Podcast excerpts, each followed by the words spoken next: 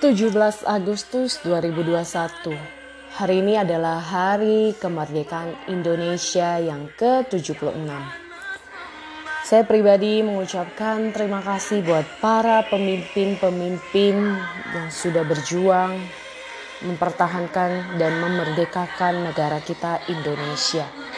Harapannya semoga Indonesia semakin boleh berkibar, berkarya menjadi negara yang luar biasa mencetak generasi-generasi bangsa yang hebat, yang berkarya dan terus boleh menginspirasi. Mari teman-teman, biarlah di hari kemerdekaan negara kita Indonesia, kita boleh introspeksi diri kita.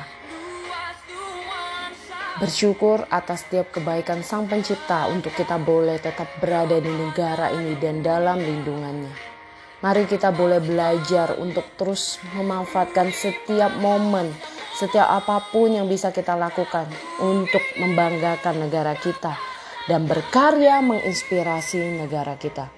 Semangat bangsa Indonesiaku berkarya terus Indonesia. Jadilah generasi yang luar biasa yang terus bisa berjuang dan berkarya untuk bangsa yang semakin luas, semakin membawa persatuan, dan semangat berkibar untuk menjadi berkat di mana pun.